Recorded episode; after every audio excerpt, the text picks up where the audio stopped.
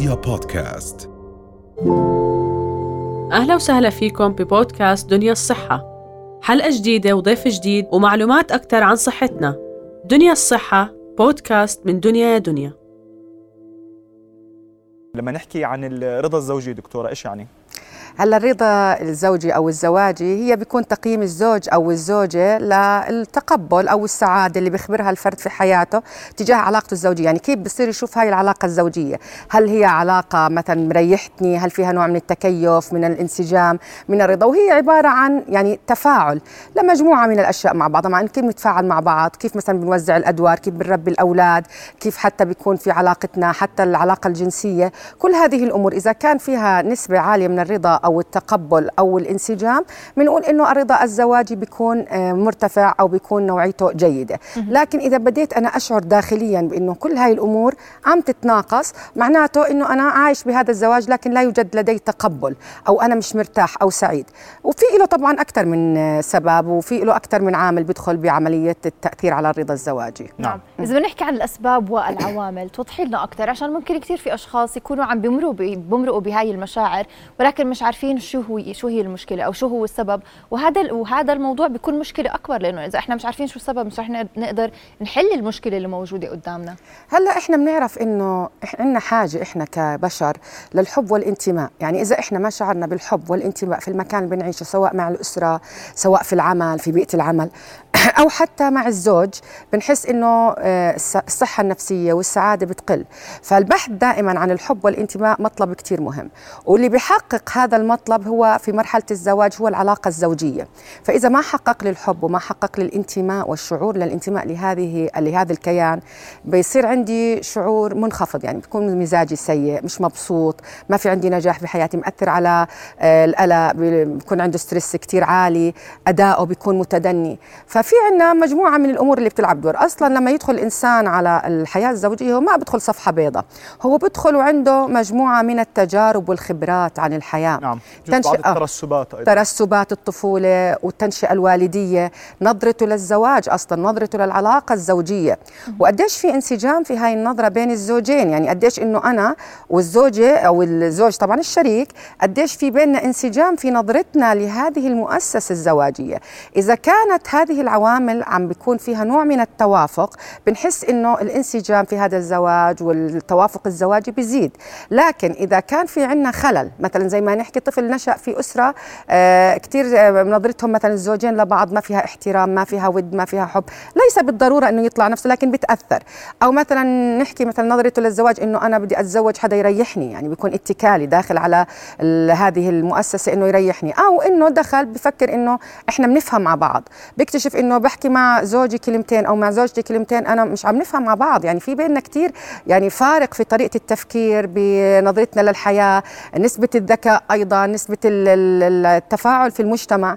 لما يكون عندنا هاي العوامل مش مش قريبة من بعضها أكيد بتأثر على الحياة الزوجية. وعدا عن ذلك يعني إحنا في عندنا خبرات من الماضي وأيضا الطريقة اللي بنتعامل فيها. يعني مثلا أنا لما بدي أجي يكون في مؤسسة زوجية بدي أشوف مثلا علاقتي بأهل زوجي قديش أنا داعم للزوج وهو داعمني. يعني إذا الزوج بدعم زوجته إنها تكمل وتتطور وتعيش حياتها بالكيفيه اللي هي بدها إياها كمان هذا بيأثر على التوافق الزواجي أو الرضا الزواجي. نعم. آه علاقة الزوجة بأهل زوجها والعكس كمان إنه هو عم بيحترم أهلها هي عم تحترم أهله بيلعب دور كتير كبير. أيضا العلاقة الحميمة لها دور كتير كبير بنعرف إنه نسب الطلاق ولما نيجي نسأل عن الأسباب بنلاقي إنه العلاقة الحميمة إنه لأنه ما فيها نوع من الرضا والإشباع عند الطرفين فبتلعب دور في الرضا الزواجي. أيضا الرضا الزواجي ممكن الاثنين يتزوجوا يعني الشاب والصبية وفي بداية الحياة يحسوا الحياة بسيطة لأنه ما بيكون فيها يعني التعقيدات والمشكلات. بيبدوا شوي شوي وخاصة بعد إنجاب الأبناء والأطفال بصير عندهم تتغير الأدوار. يعني بطل بس زوج وزوجة صار زوج وزوجة وأب وأم. فبنلاحظ إنه هون إذا ما كان في أساس بالتوافق الفكري والتوافق الانسجام بالمشاعر وطريقة الحياة بنلاحظ إنه التوافق أو الرضا الزواجي بقل بعد الأبناء مع إنه في دراسات بتقول إنه التوافق الزواجي أو الرضا الزواجي بصير أحسن بعد الأب... بعد ولادة الأبناء وفي دراسات بتقول لا. فإحنا لما نيجي نفسر هذا هذه النتائج بنحكي إنه كيف كانت بداية رضاهم عن بعض يعني تقبلهم لبعض كشخصين قبل ما يكونوا أب وأم. فإذا كان هناك فجوة من البداية وجود الأبناء ممكن إنه طريقة التربيه بيختلفوا عليها كيف يتعاملوا مع أبنائهم بيختلفوا ما بيعجبني طريقتك معه. أيضا الضغوطات المادية بتلعب دور لإنه صار في طرف ثالث بالعيلة وبده كمان مصروف. فهون بنحس إنه بتزيد المشكلات وما بيعرفوا يحلوا مشكلاتهم. وفي عندنا يعني إحنا بدنا نحكي مرات إحنا بنقول طب إحنا بنحكي عن الرضا الزواجي. طب كيف بدي أعرف إنه أنا يعني راضي عن زواجي؟ أو كيف بدي أعرف إنه في توافق بيني وبين الشريك؟ في بعض المؤشرات الصغيرة اللي بتكون موجودة يعني منها طريقة التفاعل يعني مثلا بتحس في زوجين بينسجموا مع بعض من نظرة العين بيفهموا مع بعض. الإيماءات الحركات يعني التواصل اللفظي المباشر وغير المباشر. في عندنا حل المشكلات اللي عندهم رضا زواجي عالي ما بيأجلوا المشكلات يعني ما بيراكموها بيحلوا مشاكلهم أول بأول أو بيوصل بحلها بحلها. فيها هو بحلها أو بنوصل للتسوية يعني مش ضروري كل المشكلات تنحل بحياتنا لكن نوصل لتقبل وتسوية. وزي ما حكينا كمان العلاقة الحميمة بيكون فيها شعور بالرضا فيها. نعم. طب دكتورة عفوا السؤال يعني عشان نحن الوقت ما يداهمنا. الأشخاص اللي ما عندهم هذا التقدير العالي لعلاقتهم أو ما في عندهم رضا زواجي عالي إيش ممكن يعملوا؟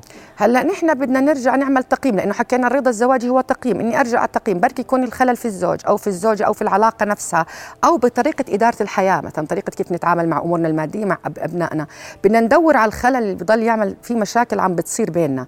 آه، نسبة السعادة عندي بتقل. أنا مش مبسوط في حياتي الزوجية. ما بحب أقعد في بيتي مع زوجتي وأولادي أو مع زوجي وأولادي. فهون بدي أدور على السبب اللي بيعمل المشاكل. بدي أدور على التريجر المحفز. وينه؟ إذا كان في ممكن إنه نصلحه ونشتغل عليه بدنا نشتغل عليه كأطراف. يعني الزوج والزوجة والأبناء والأسرة. لكن إذا كان الأساس والخلل في إنه العلاقة نفسها مش ظابطة هون كمان بدهم يشوفوا كمان حل. لأنه وجود الأولاد وعدد الأولاد مش راح يظبط الزواج ولا يخلي في رضا زواجي بالعكس راح يزيد المشكلات. فالإنسان يبحث عن سبب مشكلته وشو اللي عم بيصير معي إذا كانت النظرة عندي أو النظره آه، عند الزوجين أو طريقة التفاعل بينهم. ومرات يكون آه، يعني شخص مشترك محايد ممكن يساعدهم كمستشار أسري في حل مشكلاتهم إذا كان ممكن حلها. نعم. يمكن دكتورة لما نحكي عن موضوع الرضا الزوجي وغير الزوجي دائما بيكون له علاقة بالتوقعات ولما يكون الشركاء يعني شريك وشريكته بدهم يبلشوا حياة جديدة أو حتى بدهم يكملوا بهاي الحياة بيكون في عندهم توقعات إنه أوكي بعد الولد الأول بتصير امورنا أحسن بتصير بتصير الأمور أريح. فشو تعليقك على هذا الموضوع ومستوى التوقعات اللي بتكون موجودة عند الأطراف؟ أغلب الخيبات من التوقعات يعني إحنا بنتوقع شيء أحسن وبنلاقي إنه الشيء مش أحسن فبتصيبنا الخيبة وبنزيد المشكلة يعني ما بنعرف حتى نتعامل مع الموقف يمكن لو ما كان عندنا توقعات عرفنا نتعامل. مشان هيك إنه أنا ما بدي أحط توقعات عالية إنه بس يجي الولد الأول أو الولد الثاني أو بس يجي الولد والبنت بتصير حياتنا أحسن لا بدنا ندرس إنه إحنا فعليا هل في بيننا توافق؟ هل في بيننا انسجام؟ هل في بيننا تكيف؟ فإحنا بدنا نشوف نسبة سعادتنا رضانا مبسوطين مش مبسوطين. لأنه بالآخر الحياة الزوجية هي مرحلة. زي ما حكيتي قبل شوي مرحلة التوجيه هي مرحلة. بدناش نعتبرها هي كل حياتنا. هي مرحلة بدنا نعيشها بطريقة إنه نعيشها صح. وما بدنا نعيشها بطريقة إنه نغصب حالنا أو بطريقة إنه إحنا نضحك على حالنا. يا بدنا نصلح الخلل اللي موجود ونشتغل عليه وما نقول الحياة بتمشي. يا إما بدنا نحلها من يعني من جذورها. فبدنا نطلع على الحل المناسب للطرفين وللأسرة. ودائما نقول إن شاء الله بنتمنى السعادة الزوجية لكل الناس المقبلين على الزواج والمتزوجين حاليا واللي متزوجين من زمان كمان. يعني زي بدنا نحكي. وإن شاء الله دائما آه، بيكون في توافق ورضا زواجي بين الأزواج. والنسبة تعلى يا ربي. آمين يا رب. جميلا جميل. جميل جدا. دكتورة نهاية رماوي مستشارة نفسية وتربوية واسريه شكرا جزيلا شكرا يعطيكم العافية. رؤيا بودكاست.